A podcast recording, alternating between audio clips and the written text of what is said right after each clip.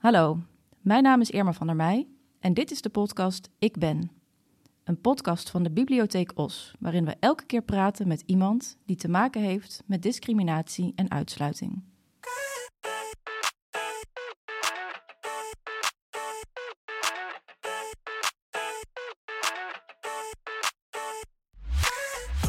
In deze aflevering praat ik met Sakia Sheko, een uh, jonge vrouw uit Os. Op haar elfde, zeg ik het goed? Twaalfde? Twaalfde. Twaalfde vluchtte jij uh, met een deel van je familie uit Syrië. En uh, je maakte heel veel mee tijdens je vlucht hier naartoe. En uiteindelijk kwam je in Os terecht. Over dat levensverhaal en over hoe zij te maken kreeg met discriminatie gaan we het hebben. Sakia, welkom. Dankjewel. Zoals gezegd gaan we samen praten over jouw levensverhaal. Daarnaast hebben we een hele stapel boeken op tafel liggen, die we er af en toe bij gaan pakken. Mm -hmm. Dat zijn heftige boeken over wat de oorlog met een land doet en ja. ook wat het doet met iemand om te vluchten uit een oorlogsgebied. boeken over Syrië. Ik heb me er een beetje in verdiept de laatste tijd. Mm. En toen kwam ik erachter hoe weinig ik eigenlijk van het land weet. Echt schandalig. Mm. Dus het was heel interessant, daar gaan we het over hebben. Ja. En um, er ligt ook een boekje op tafel waar je zelf in staat. Ja, klopt. En dat is ook uh, waardoor ik jou heb leren kennen. Maar daarover later meer. We gaan gewoon beginnen bij het begin. Ja. En um, ja, dat, dat is jouw begin, jouw, jouw jeugd in uh, Syrië. Je bent geboren en opgegroeid in Syrië. Ja. Uh, waar precies? Ik ben geboren en opgegroeid in Afrin, in het westen van, van Syrië. En ik heb eigenlijk tot mijn twaalfde, twaalf half inderdaad daar gewoond. Ja, dat is het noordwesten van Syrië? Ja. Bijna tegen de, ja, tegen de grens met Turkije ja, aan. Klopt. Ja, um, En kun jij een beeld schetsen, omschrijven hoe, hoe het daar was? Hoe, wat kun je je er nog van herinneren? Um, eigenlijk een beetje nog alles. Um, voor de oorlog was alles echt gewoon normaal, groen en leuk en ja, naar school gaan en uh, daarna buiten spelen met, uh, ja, met uh, klasgenootjes, met kinderen. Um, en daarna heel, heel snel begon de oorlog op mijn acht, negende eigenlijk al. En toen veranderde alles echt een nachtmerrie. Dat we op een gegeven moment geen elektra meer hadden, geen eten, geen drinken, weet je wel. Alleen volgens mij één uur per dag dat we dan water hadden, weet je wel. Ja. Um, Even over dat stukje nog voor de oorlog. Hè? Ja. Um, jij schetst een beeld van, uh, van gewoon vrijheid. Je ging naar school. Ja. Uh, je had vriendjes, vriendinnetjes. Je speelde thuis, buiten. Ja. Um, hoe, hoe zag jouw gezin daaruit, jouw familie? Want je hebt een grote, groot gezin, hè? Ja, klopt. Wij zijn met uh, tien kinderen thuis, eigenlijk. Een heel groot gezin. Maar het was altijd heel gezellig. ik ben vijfde, vijfde kind. En... Um, ja, ons, ons huis was ook heel groot. En we hadden een hele grote tuin met bloemen allemaal. En, en groen en heel veel uh, fruitbomen. En ja. Mooi, mooi beeld uh, zo van hoe het daar was. En jouw ja. vader, wat deed jouw vader? Hij was uh, groentehandelaar. Ja. Dus, en jouw moeder was thuis, ja. denk ik. Ja, met zoveel kinderen heb ja. natuurlijk superveel te doen. Ja. Um, ja, jij was wat zei je nou, negen jaar oud hè, toen de oorlog begon? Ja, acht, ja. negen, zoiets, ja, denk ik. Ja, dat was eigenlijk in de periode, tenminste als ik het goed heb, uh, in 2010 begon wat wij dan kennen als de Arabische lente. Dus in heel ja. veel landen uh, brak, brak, eigenlijk een vreedzame opstand nog, hè, toen Mhm. vreedzaam. Ja. En in 2011 begon het in Syrië. Ja. En uh, wat, zeg maar, je was een kind en wat als kind, wat merk je daar dan van als er oorlog, als er oorlog komt in een land? Um, kijk, het begon eigenlijk um, in Irak, daar zo weet je wel. En uh, was echt een stukje verder, verderop waar, we vandaan, uh, waar ik vandaan kom en woon.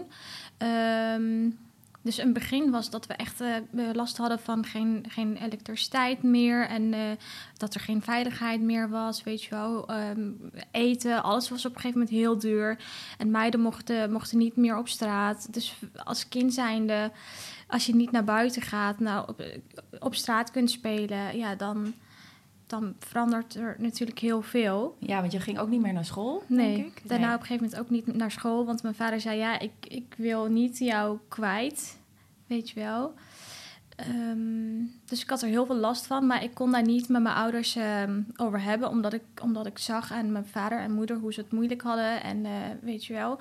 Dus op een gegeven moment pakte ik een uh, schrift en ik ging alles in mijn schriftje schrijven. Een soort dagboek? Ja, een soort dagboek. En heb je dat schriftje ook nog? Nee, die, nee? Uh, nee, die ben ik, ja, ik ben hem kwijt of ik heb hem achtergelaten in Syrië, dus ik, ik heb het helaas niet mee kunnen nemen. Nee. Daar baal ik van. Maar dat was voor jou een manier om het dan, omdat je het niet met je ouders kon bespreken, om het toch te verwerken. Ja. Want met jouw broertjes en zusjes kon je er dan ook niet echt over praten? Nee, ik deed het niet. Ik weet niet. Mijn moeder heeft ook altijd gezegd: je was, je was anders, je was bijzonder. Je, je was toen al zo volwassen dat je eigenlijk je eigen problemen, of, of ja, als je iets had, ging je in een hoekje zitten en schrijven. Hmm. Je dus, wilde een uh, ander daar niet eigenlijk mee belasten. Ja, ja. Hm is best al voor die leeftijd inderdaad ja. heel volwassen. Ja. Maar ja, je, je kon dus eigenlijk op een gegeven moment niet meer uit huis. Dat begreep ik van jou. Hè? Dus je... ja. En wat was dan het punt dat uh, jouw ouders of, of, dat iemand zei van nou, nu moeten we hier weg? Daar zei mijn moeder. Ja. Mijn moeder kwam uh, mee. Omdat uh, eigenlijk papa was alleen in het weekend thuis. Omdat hij altijd in Aleppo werkte. En op een gegeven moment kwamen drie mannen naar ons, uh, ons huis. En wij waren echt alleen met ja, uh, meisjes en, een, en een vrouw, weet je wel. En mijn broers waren allebei super jong. En uh, ze wilden allemaal, ze wilden ons allemaal ja, afpakken, meenemen. Oh. En mijn moeder zei: Ja, je moet morgen terugkomen, want de vader van de kinderen is, is niet thuis vandaag. Hij is er morgen weer. Terwijl dat papa, papa was in het weekend thuis kwam, weet je wel. En uh, toen is mama papa, of uh, opa gaan bellen meteen van... Uh, ik moet hier weg, want anders ben ik al mijn meiden kwijt. Ja. En we zijn naar een ander dorpje gevlucht toen die dag meteen. In Syrië nog? In Syrië nog. Mm -hmm. En waar mijn opa en oma woonden. En de volgende dag zijn we meteen naar Turkije gevlucht eigenlijk. Ja. ja. Dus jouw moeder had op een gegeven moment zoiets van... nou is het echt te gevaarlijk ja. voor... vooral ook klaar. voor jullie als vrouwen ja. dus. Ja, ja. ja en toen... Um, zijn jullie dus uh, gevlucht naar Turkije. Ja. Uh, ik begrijp dat je opa toen mee is gegaan. Ja, klopt. Ja. ja.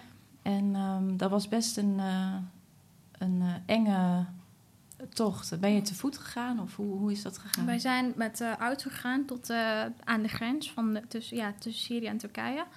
En daarna moesten we ja, een stukje lopen door de bossen. Ja, want die kan niet de grens oversteken omdat je illegaal bent met Ja. de auto lekker ehm, doorrijden. Dus Nee. we moesten echt wel eh, lopen ook, ja. Ja, en dat was jij samen met je moeder. En wie waren daar nog meer bij? Ehm, mijn twee broertjes en zusjes waren ook mee en ehm, ook twee zussen. Oké. Ja. Dus we waren met z'n zevenen. Ze- ja, zeven kinderen. Mijn moeder erbij en opa, dus negen. Ja. Ja. En, en dat was denk ik dan s'nachts of niet? Want Ja, je moest natuurlijk redelijk onopvallend daar de grens over. Ja. Eh, ging, dat, ging dat meteen goed of waar kwam je toen terecht? Nee, we zijn de eerste, eerste keer opgepakt.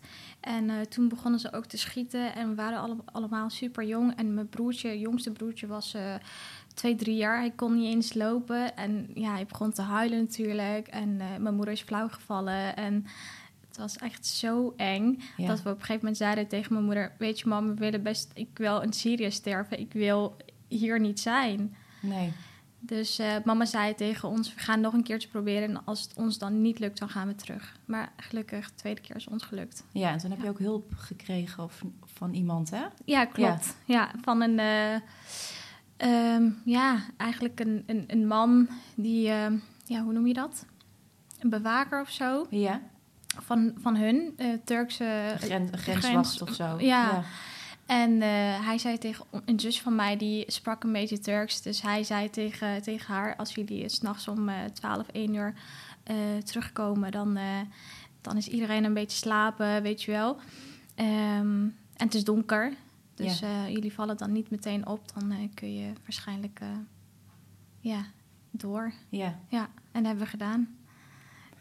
En toen, eh, toen, kwam je, toen kwam je eerst ehm, ehm, in een dorpje terecht, denk ik. ehm, en daarna Ja. in Istanbul, begrijp ik, hè? Ja. Maar even nog, want jij beschrijft allemaal wat er gebeurt en zo, maar jij was negen jaar. Eh, wat doet dat dan met jou als kind en met ja, natuurlijk ben je angstig. Maar zijn er ook nog andere dingen die je dan voelt? Of, of hoe, hoe voelt dat? Ehm, ik, ik had heel veel angst vooral. Ehm, ik ben heel donker, of eh, heel bang van donker nu ook. Als ik dan naar mijn werk heen en terug ga, ehm, dan, ik, ik weet niet, ik, ik ben gewoon zo bang. Dus die angst is zo groot geworden in me dat ik, dat ik nu als ik naar huis ga, dat ik continu achter me heen of om me heen kijk, weet je wel. Eh, komt er iemand mij vermoorden of zo, terwijl dat dan niet zo is, maar dat, ja, dat blijft in Ja. je hoofd zitten, weet je wel. Ja, Ehm, wat heb je daar eigenlijk een beetje aan over? Ik, ik denk dat een kind sowieso al bang is in het donker, van het, zeg maar de meeste kinderen. ja. Maar jij hebt dan ook nog eens extra iets meegemaakt wat jouw angst nog groter heeft gemaakt. Ja. Ja, Ehm, ja in, in eh, Istanbul eh, heb jij... eh, want jullie waren dus illegaal in Ja. Turkije. Dus jij kon daar ook niet naar school. Je broertjes Nee. en zusjes ook niet. Mhm. Wat gingen jullie daar toen? Wat gingen jullie daar doen? En was het jullie doel om in Turkije te blijven? Of was het een doel om verder te Eh, Nou, vluchten? eh, kijk, als je vlucht, dan, dan heb je natuurlijk geen toekomstplannen. Dus je wil alleen op dat moment wil je vluchten en, en ja, naar een veilige plek, weet je wel. Dus we zijn toen naar Turkije gevlucht en we wisten helemaal niet of we daar zouden blijven wonen of, of, of wij überhaupt terecht konden eh, komen daar. Ehm, dus wij zijn allemaal daar gaan werken in een textielfabriek. Fabriek. Mijn jongste broertje en zusje, die, ja, die waren te jong, dus die konden nog niet werken. Ik was 13 jaar. Dus ik werkte zeven dagen in een week. Van zeven uur s ochtends tot een uur of twaalf, één s'nachts. Om aan geld te komen en eten, drinken. Ja. Zeven dagen in de week. Ja. Dus je was geen enkele dag gewoon kon je uit. En je was hoe oud toen? 13. 13. En jouw moeder was bij de jongste kinderen dan? Of werkte die daar ook? Nou, mama, eh, die was geopereerd en eh, allebei de ogen. Dus die mocht eigenlijk niet werken. Maar ja, die moest ook meewerken. Want ik, alleen ik werkte en een ander zusje van mij... die eigenlijk nog jonger was dan ik. En mama ging dan af en toe, dan als ze had gekookt, weet je wel... als mijn broertje of zusjes sliepen, dan kwam ze ook even helpen. Ja. Ja. En hoe werden jullie daar behandeld? Want jullie waren illegale vluchtelingen. Ja, bij, Waarschijnlijk werd je ook onderbetaald, denk ik. ja, sowieso minder betaald, slecht betaald... omdat we de taal niet beheersen, omdat we de regels daar niet kennen... en omdat we illegaal zijn daar. Ehm, in het begin was het echt heel moeilijk. Want ja, je komt in een vreemde land, omgeving eh, waar je de taal niet spreekt. En iedereen haat je, iedereen kijkt naar je met, ja, met een zo'n zo'n haat. Ja, zo hatig, weet je wel. Zo, Ja, Dat je niet welkom bent ja, eigenlijk. ja, Ja. en als kind, ehm, ja, dat doet heel veel met je, weet Ja. je wel.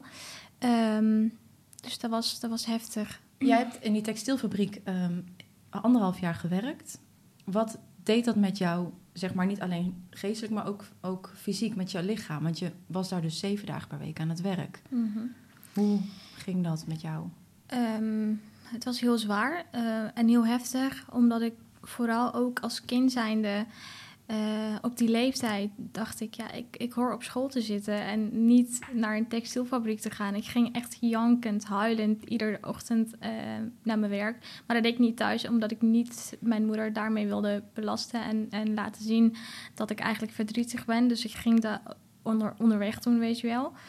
Ehm, heel zwaar. Eh, maar op een gegeven moment, ja, ben je een beetje aan.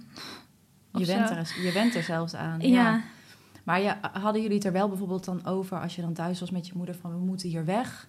Of Ja. we willen ergens anders naartoe? ja. Ja.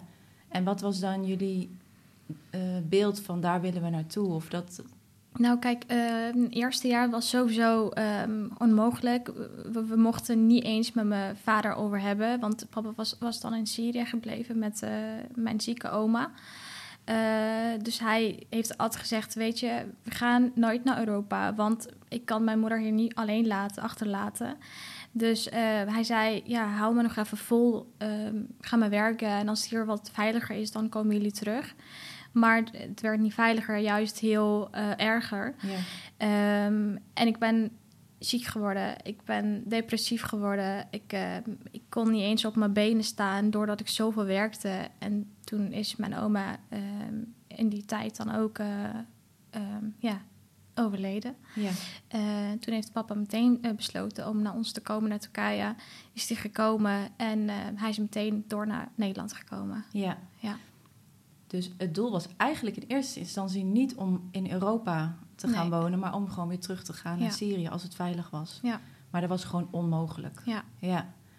En toen zijn jullie naar, is jouw vader uiteindelijk dus naar Nederland gegaan. Ja. Daar woonde toen ook al familie van jou, hè? Van ja. mij, ja. En eh, hoe lang daarna zijn jullie naar Nederland gekomen? Eh, binnen negen maanden zijn we ook eh, naar Nederland gekomen met Ja. het vliegtuig. Toen kwamen jullie eerst in Ter Apel. Ter Apel, ja. Wat kun jij je herinneren? Toen was je inmiddels denk ik elf of tien of elf. Nou, nee, ik was wat ouder. Ik was... Nee, want toen ik naar Turkije ging, was ik al 12, 12 Oké, weet je wel, 12,5. ouder. Ja. Ja. Dus ik was ehm 14. Ja, dus je kon het echt wel heel goed. Je kunt het je ook heel goed herinneren. Ja. Wat zijn jouw eerste herinneringen aan dan in Nederland komen in zo'n ehm, ja, opvangplek met al die mensen die gevlucht zijn? Ehm, dat was ook echt heel moeilijk. Want eh, kijk, ook al werkte ik zeven dagen in Turkije, maar wat ik net ook al zei, op een gegeven moment wen, wen je het aan, weet je wel. Dan, dan heb je tenminste een, een huis, een, weet je wel, een leven. Eh, maar als je weer naar een vreemde land komt, naar een nieuw land komt, dan, dan moet je alles opnieuw weer beginnen oppakken. En Ja. dat duurt gewoon even, weet je wel. Ehm, weer een nieuwe taal, weer een nieuwe omgeving, weer nieuwe mensen. Dus het was heel moeilijk. Ja. Ja, Voelde jij je wel welkom in Nederland? Eh, nee, Nee. nee. En, en waarom niet? Ehm, door ehm, hoe mensen je aankeken. Ehm, ja, Je voelt dat eigenlijk dan. dat voel je. En wat voel je dan? Hoe kijken mensen je aan? Wat voel je dan? Je bent een vreemdeling, je hoort niet bij. Ja. En ja, dat is heel erg. ja. Ja, Ik wil je eigenlijk vragen of jij een klein stukje voor wil lezen uit het boekje waar je in staat. Dat Mhm. is, ehm, het boekje heet Ik ben hier, I am here. ja. Het, is, het zit ook in jouw collectie. Het zijn zes verhalen van jonge vluchtelingen eh, die in Os ook eh, Ja. woonden toen het gemaakt werd. En jouw verhaal staat daar ook in. Mhm. En er staat een, staat een stukje in over jouw eerste periode in Nederland. Ja. Zou je dat willen voorlezen? Ja, zeker. Het was voor mij heel moeilijk om in Nederland te wennen in het begin. Ik werd verscheurd. Eigenlijk wilde ik hier helemaal niet zijn. Ik wist dat het leven hier goed voor ons zou zijn en dat ik kon studeren. Maar aan de andere kant werd ik niet geaccepteerd op school. Ik werd gepest en vaak uitgescholden omdat ik een vluchteling was. Rot op naar je eigen land, zeiden ze dan. Of jullie komen hier om onze banen te stelen. Ik vond die opmerkingen zo pijnlijk en ze maakten me zo kwaad.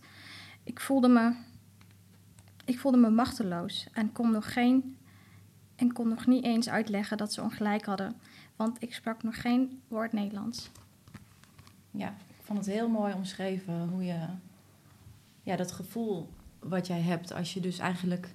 Je wilt wel, want je, je sprak de taal nog niet. Maar Ja, je voelt eigenlijk aan alles dat je nog niet onderdeel bent van... eh, ja, ja. Ehm, ja, je, je, uiteindelijk kwam je dus in Os terecht en daar kwam je ook op school eh, Ja. te zitten. Klopt. Ehm, welke school was dat? Ehm, Hooghuis West, Zuid, Zuid. En daar had je een aparte klas, denk ik, voor kinderen die de taal nog niet spraken. Hè? Ja, Ja. En daar gaat dit stukje dus over. Hè? Mhm. Dus dat, je voelde je op die school niet geaccepteerd, niet welkom. Nee. Hoe kun je een paar voorbeelden geven zo van als je zo'n schooldag had, wat dan van die momenten waren dat je dat voelde? Ja. Ehm, wij waren natuurlijk ook een beetje echt alle allereerste vluchtelingen, weet je wel. En ze hadden eh, niet eens eigenlijk eh, daarvoor een klas voor vluchtelingen ehm, eh, in Os. Maar omdat er op een gegeven moment meer kwamen, toen hadden ze ook eh, een klas voor eh, vluchtelingen in Os ehm, geopend.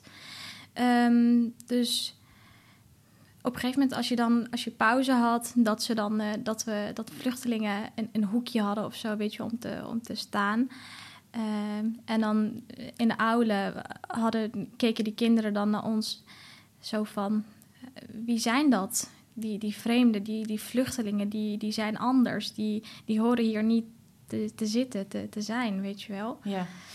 Eh, ja, en wat je in het boekje ook zegt, hè, dat ze ook echt letterlijk zeiden van... ga maar weer weg, Ja, want je, hoort hier niet. ja. Ja, of je komt onze banen stelen, Ja. onze huizen en, en eh, onze geld. ja. Dat is rot op, ja.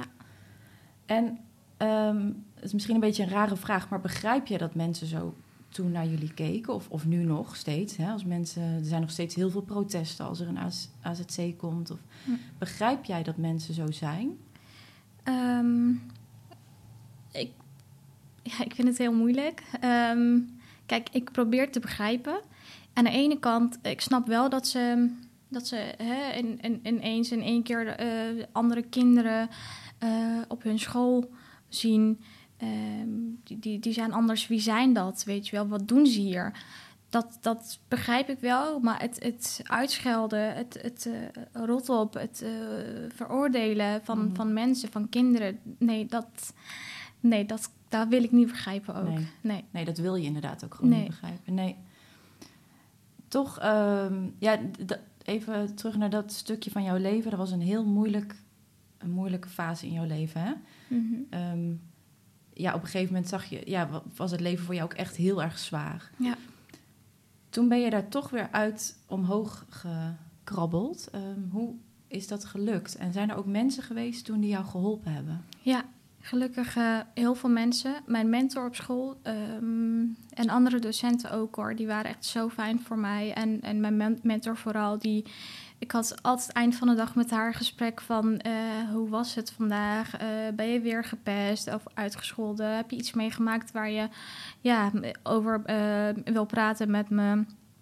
En ik heb van mijn ouders ook heel veel steun gekregen. Van huisarts, van professionele mensen. Dus ja, En sprak jij toen inmiddels al de taal? Want een huisarts en een professioneel, iemand waar- waarmee je gaat praten, dan Ja. moet je natuurlijk wel ook een beetje de taal spreken. Of deden jullie dat in het Engels? Of hoe ging dat? Nee, dat, dat ging inmiddels wel. Ja, Ja. ja. niet, niet perfect, maar het, ja, ik kon wel eh, ja, mijn antwoorden geven en, en een beetje begrijpen. En, ja, Ja, dus dat ging wel. Ja, dus dat is heel belangrijk voor jou geweest. Ja, dat je de zeker. taal ja kon spreken. Ja. zeker.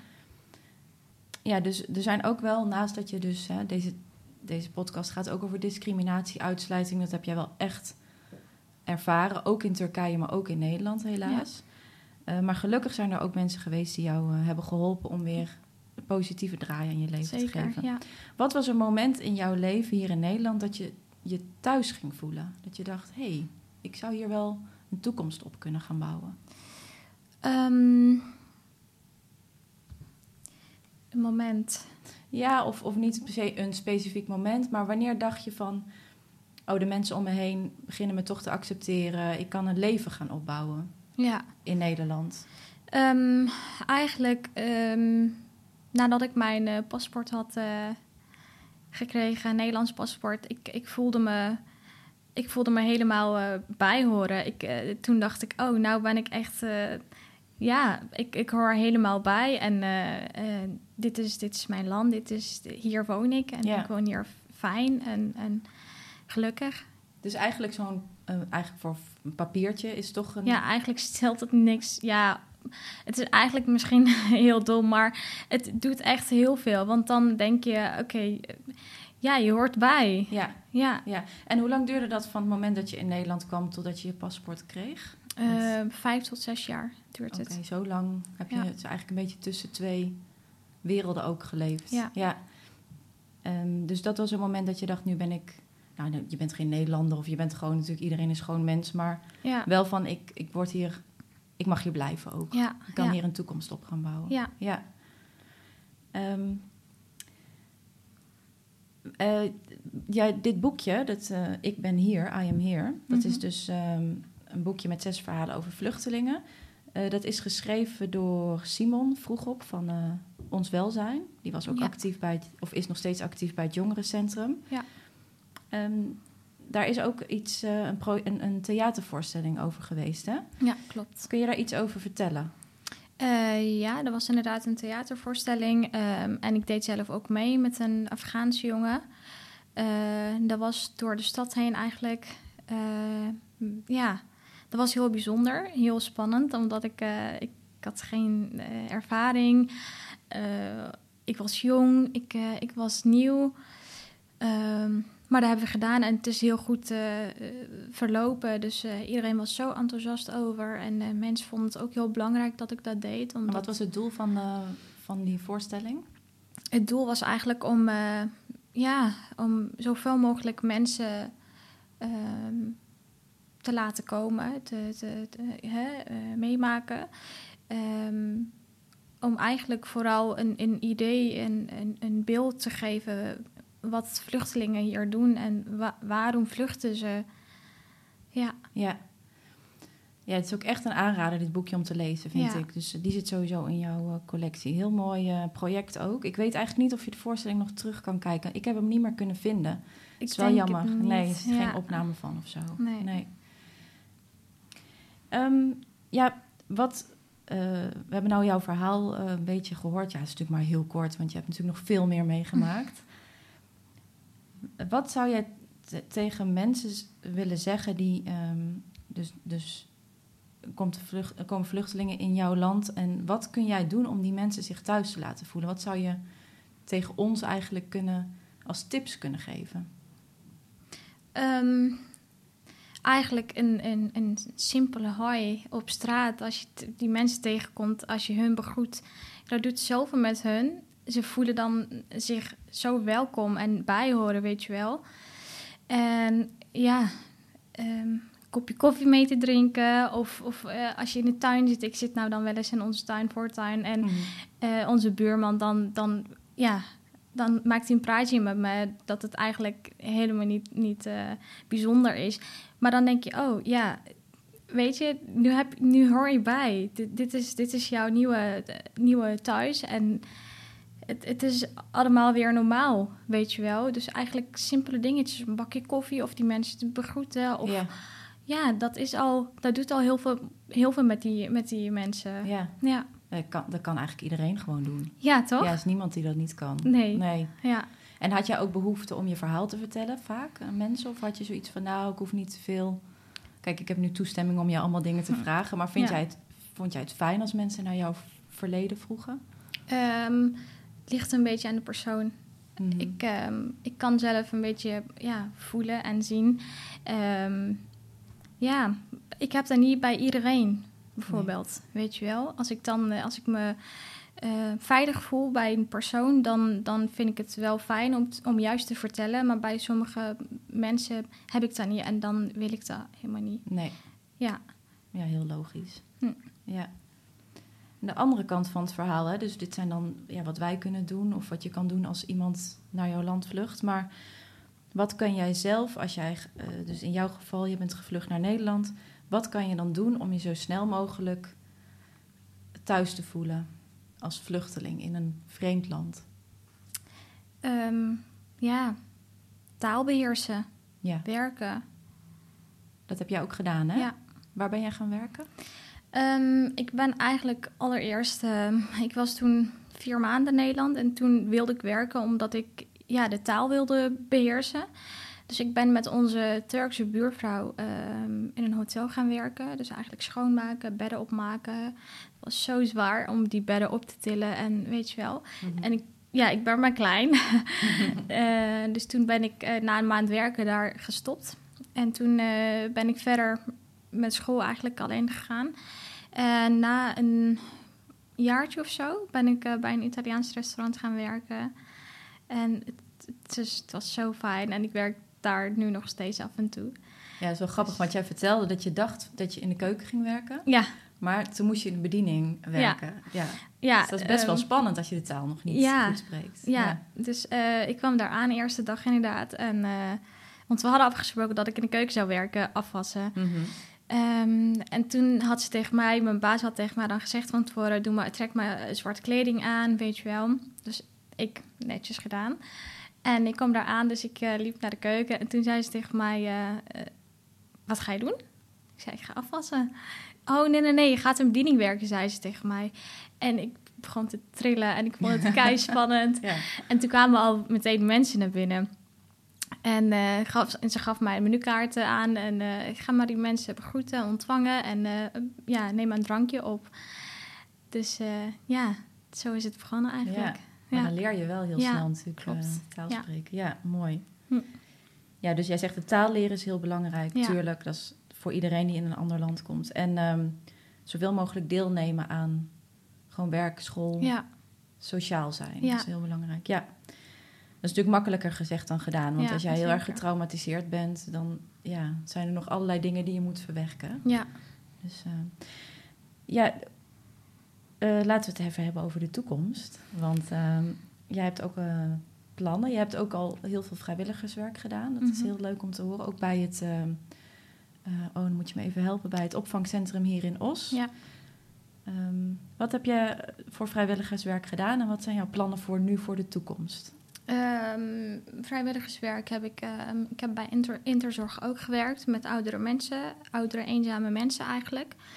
Ehm, en bij ehm, Thuis en Os heb ik natuurlijk heel veel gedaan. Eh, ik heb gastlessen gegeven met Angela Schuurmans op eh, scholen, middelbare scholen vooral.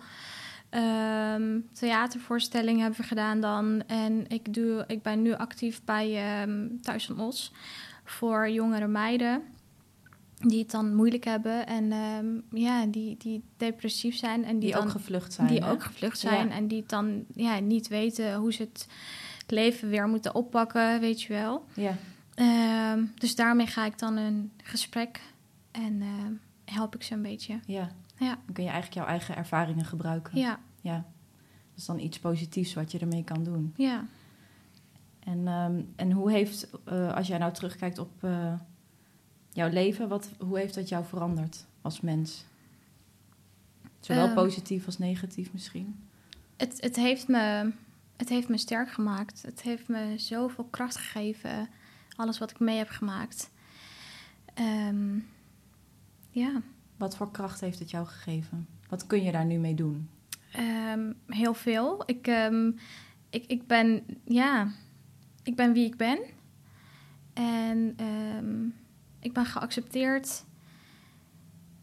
Ja, Je kunt tegenslag ook aan misschien, als er nu tegenslag in je leven Ja. komt. Ja. ja, En hoe gaat het met de rest van jouw eh, broertjes en zusjes? ook heel goed, gelukkig. Ja, Ja? ja. Zijn die er allemaal redelijk goed uitgekomen? Of, eh, ja ook wel. Ja, ze studeren allemaal en eh, ze hebben ook allebei een bij, allemaal een bijbaantje. En ja, het gaat goed, gelukkig. Ja. Ja. ook met mijn ouders. Dus Ja.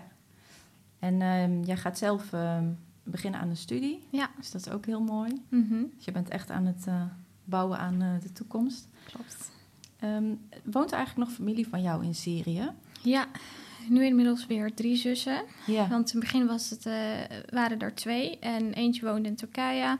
Maar die is nou teruggekeerd naar Syrië ook. Dus ja, nu drie zussen van mij. ja, want wat we nog niet hebben genoemd... is dat natuurlijk ook nog begin dit jaar de aardbeving... Ja, ook precies in het gebied waar jouw familie woont. eh, hè? Ja. Turkije en Syrië is geweest. ja, Dus daar komt dan nog eens bovenop eh, de burgeroorlog... die nog steeds eigenlijk voortduurt. ja. Ja. Dus het is nog niet, eh, nog steeds ook niet. Ja, voor jou Nee. zou jij zelf nog terug willen naar Syrië ooit? Nee, of- ik, ik denk dat ik niet eens daar wil en kan wonen nee, meer. De, nee. nee. Nee. En het is ook nog steeds een negatief advies om daarheen te gaan. Dus je zult ook niet heel veel bij je familie. eh, Nee, nee. Maar ik zou wel ooit terug willen gaan om, om, om te bekijken hoe het nou daar is en wat er over is gebleven. O- o- Ja, Ja, ja dat wil ik heel graag zien. Ja, hopelijk dat het land snel weer. eh, ja, ja, ik denk het, het is niet. allemaal maar- heel ingewikkeld. Ja. Ik heb ook geprobeerd om, het, om, om de hele burgeroorlog te begrijpen. Maar er is zo ontzettend veel gebeurd. Het is echt heel erg eh, complex. Ja. Ja, Ehm, wat ik nog aan zat te denken, hè, je, je woont in Nederland, maar je hebt natuurlijk Syrische roots, zeg maar. Ja. Welke dingen uit Syrië zou jij nou graag in Nederland in de, hier willen inbrengen? Of je zegt, ja, dat is echt een mooi, iets moois uit de cultuur waar ik vandaan kom. Ehm, ik denk het eten. Eh, ik heb ook eh, Nederlandse vriendinnen eh, die, dan, die ik dan uitnodig om bij ons dan een keertje te komen eten. En ze vinden het eten dan ook heerlijk dan. Dus dat vind ik ook heel leuk om dat te zien. Maar ik denk ook sociale contacten. Mhm. Ehm, wij zijn, ehm, ik weet niet, wij zijn gewoon heel open en, en heel ehm, vriendelijk. En, en ja, dat denk ik. Ja. En kun je nou eens echt lekker Syrisch gerecht noemen dan? Oeh. Mijn moeder kan heel goed koken, ik niet namelijk. Ehm, ja, ik hou vooral heel veel van uh, uh, ris. oh ja, dan weet ik meteen wat je Dat is uh, rijst met... Uh, ja, melogie is eigenlijk een soort uh, spinazie. Bla mhm. bladeren, groen. En dan met kipstukjes. En lekker met knoflook. En ja, dat wordt dan echt... ja, mama kan heel goed maken. Ja, en zo zijn er echt heel veel dingen. Dolma en ja... Ja. Sarma. Oh ja, dat ken ik wel. Ja, dat zijn wijnbladeren, dus toch? Ja, Met, ja. ja klopt. Nou, we hebben vast nog wel wat Syrische kookboeken in de collectie. Dus uh, als mensen inspiratie willen, dan uh, kunnen ze erin kunnen ze zoeken. Ja. Oké. Ja, ik, we hebben natuurlijk ook nog wat boeken op tafel liggen. Ik wilde nog even twee. jij hebt zelf ook nog een titel waar je iets over wilde zeggen. Um, ik heb twee boeken uit jouw collectie hebben we gehaald. Eentje is um, het boek Vlinderslag mm van uh, Yusra Mardini. Ja. Dat is gebaseerd op een film. Kun jij er iets over vertellen, over dit boek of de film? Ja, dat is inderdaad eigenlijk een uh, ja, film, The Swimmers. Uh, er zijn twee zussen die um, zelf ook gevlucht zijn uit Syrië. Um, en die er ook heel veel mee hebben gemaakt um, door de oorlog. de film is eigenlijk gebaseerd op het boek. Ik zei het net verkeerd. Hè? Dus het boek was, uh, is het verhaal van die twee zusjes inderdaad. En uh, The Swimmers is volgens mij vorig jaar uitgekomen, de film. Ja. En um, ja, er zitten wel een beetje parallellen met jouw ja. leven ook in. Um, ja, heel mooi verhaal. Ja. Waar gebeurd verhaal, dus dat maakt ook altijd wel indruk. Ja. Die staat in jouw kast. Ja. En dan hebben we nog een uh, ander boek uit jouw collectie. En dat is Zolang de citroenbomen bloeien van Sulfa Katou, als ik het goed uitspreek. Ja. Um, en wat leuk is, is dat dit boek ook genomineerd is voor het beste boek, beste vertaalde boek voor jongeren. En in de Boekenweek van uh, Jongeren, in, dat is 15 september, moet ik even goed kijken. 15 tot met 24 september wordt uh, de prijs uitgereikt. Mm -hmm. En dit gaat over een meisje in uh, Homs, ja. Nee, ik zei het verkeerd. Hè? Nee. en zij, um, zij werkt daar in een ziekenhuis ten tijde van uh, de burgeroorlog. Het is echt een heel indrukwekkend boek, hm. vanaf 15 jaar. En dan had jij zelf ook nog een, een boek dat je nu aan het lezen bent. Oh ja. Um, Kun je daar iets over vertellen? Want die komt ook in jouw kast uh, te staan. Ja, um, het, het boek heet Het Vergeten Volk. Uh, en dat heb ik eigenlijk van een vriendin gekregen. Mm -hmm. het gaat ja, voornamelijk over um, Jezidische geloof en volk in Irak, Koerdistan. Koerdistan. Ik ben ook een, een Koerd, een Jezidi, maar dan uit Syrië, Afrin. Um, en het, het, is heel heftig wat ze daar allemaal hebben meegemaakt en, en op dit moment nu nog meemaken. Ik hoorde wel af en toe van mijn moeder en van, ja, van vrienden dat, dat dat was gebeurd, weet je wel. Maar ik, ik heb nooit um, echt iets van gele over gelezen of, of een film over gekeken of ja, um, een onderzoek gaan maken of zo. Totdat ik dit boek ben tegengekomen. En ja, ik ben inderdaad op dit moment aan het lezen. En het is zo'n heftige boek dat ik af en toe echt het boek gewoon dichtklap of met oh, tranen lees. Ja. En um, ik ben dan, als ik aan het lezen ben, dan, dan voel ik me echt daar, weet je wel. Het is, ja. het is alsof ik al die dingen meemaak en, en zelf daar ben, weet je wel. Um, ja, dus ik wilde heel graag dat boekje ook uh, in mijn collectie uh, brengen. Um, Mooi. Kun je nog een keer de titel noemen? Het Vergeten Volk. Ja. Ja. Oké, okay, heel mooi. Ja. Dankjewel. Ja, jouw uh, collectie staat in september en oktober uh, van dit jaar, 2023, in uh, de Bibliotheek Os op de begane grond in een speciale kast. Hm. Er staat een hele mooie foto van jou bij ja. en een hele mooie tekst. Hè? Je hebt gekozen voor de tekst Gevlucht naar vrede en vrijheid, want ja. dat is wat jij hebt gedaan. Um, de boeken zijn ook online te reserveren. Uh, wat hoop jij dat de mensen, tot slot, dat is de laatste vraag, Ehm, wat je te bereiken met de collectieboeken? Wat hoop jij dat mensen Ehm, denken, doen? ik heb natuurlijk een beetje diverse boeken. Ja. Het is een beetje van alles. Ehm, maar ik, ik hoop vooral dat, dat mensen inderdaad die boeken lezen en, en een idee krijgen eh, van waarom mensen vluchten, eh, hun thuisland eh, verlaten, naar een nieuwe vreemde land komen. Ehm, en dat mensen niet zomaar, niet zo makkelijk anderen veroorde- veroordelen. Ehm, ja, dat denk ik vooral een beetje. ja. En elkaar accepteren. En dat ze gewoon hallo zeggen en een bakje koffie eh, gaan drinken. Ja, Ja. ik, ehm, in het begin vond ik het, eh, ik vond het zo moeilijk, vooral omdat ik ook in, in, in horeca eh, werk. Dus ik moest zo goed opletten wat ik zei tegen mensen. en en ja, op mijn taal vooral, weet je wel. Ehm, dat ik dan goed ding- dingen wilde uitspreken en mensen niet laten merken dat ik een buitenlander was, een vluchteling was, weet je wel. Mhm. En ehm, op een gegeven moment, nu denk ik dan, maar waarom niet? Dat vind ik zo onzin, want dat maakt niet wie ik ben of waar ik vandaan kom. Want ik schaam me niet waar ik vandaan kom. Ik ben wie ik ben en waar ik vandaan kom. En ik vind juist heel mooi dat als mensen dan eh, uit een ander land eh, vluchten en naar een ander land, ja, dan hierheen komen en de taal eh, beheersen en werken en, en hierbij graag willen horen. Dus ja, Ik ben het helemaal met je eens. ja, dank je. ja, laten we vooral juist met elkaar eh, in gesprek gaan en Ja, elkaars verhalen horen en, elkaar, en ook de verhalen lezen, hoop ja, ik. ja. Ik hoop dat heel veel mensen jouw kast gaan eh, bezoeken en de verhalen gaan lezen. Heel erg bedankt ja graag gedaan. Ja, dat je jouw persoonlijke verhaal wilt vertellen, wilde vertellen. Dan sluit ik nog eventjes af. Hè. Dit was eh, dus de tweede aflevering van Ik Ben met Sakia Sheko. Wil je de afleveringen niet missen, ook de nieuwe niet, abonneer je dan op deze podcast. Alle boektips en informatie over het project Ik Ben vind je op de website www.nobb.nl slash collectie slash gastcollectioneurs. Gaat het nou te snel? Kijk dan even in onze show notes. Heel erg bedankt voor het luisteren en graag tot de volgende keer. Heb jij te maken met discriminatie of uitsluiting? Dan kun je terecht bij het steunpunt van antidiscriminatiebureau Radar. Daar luisteren ze naar je verhaal, krijg je advies en word je ondersteund bij eventuele vervolgstappen.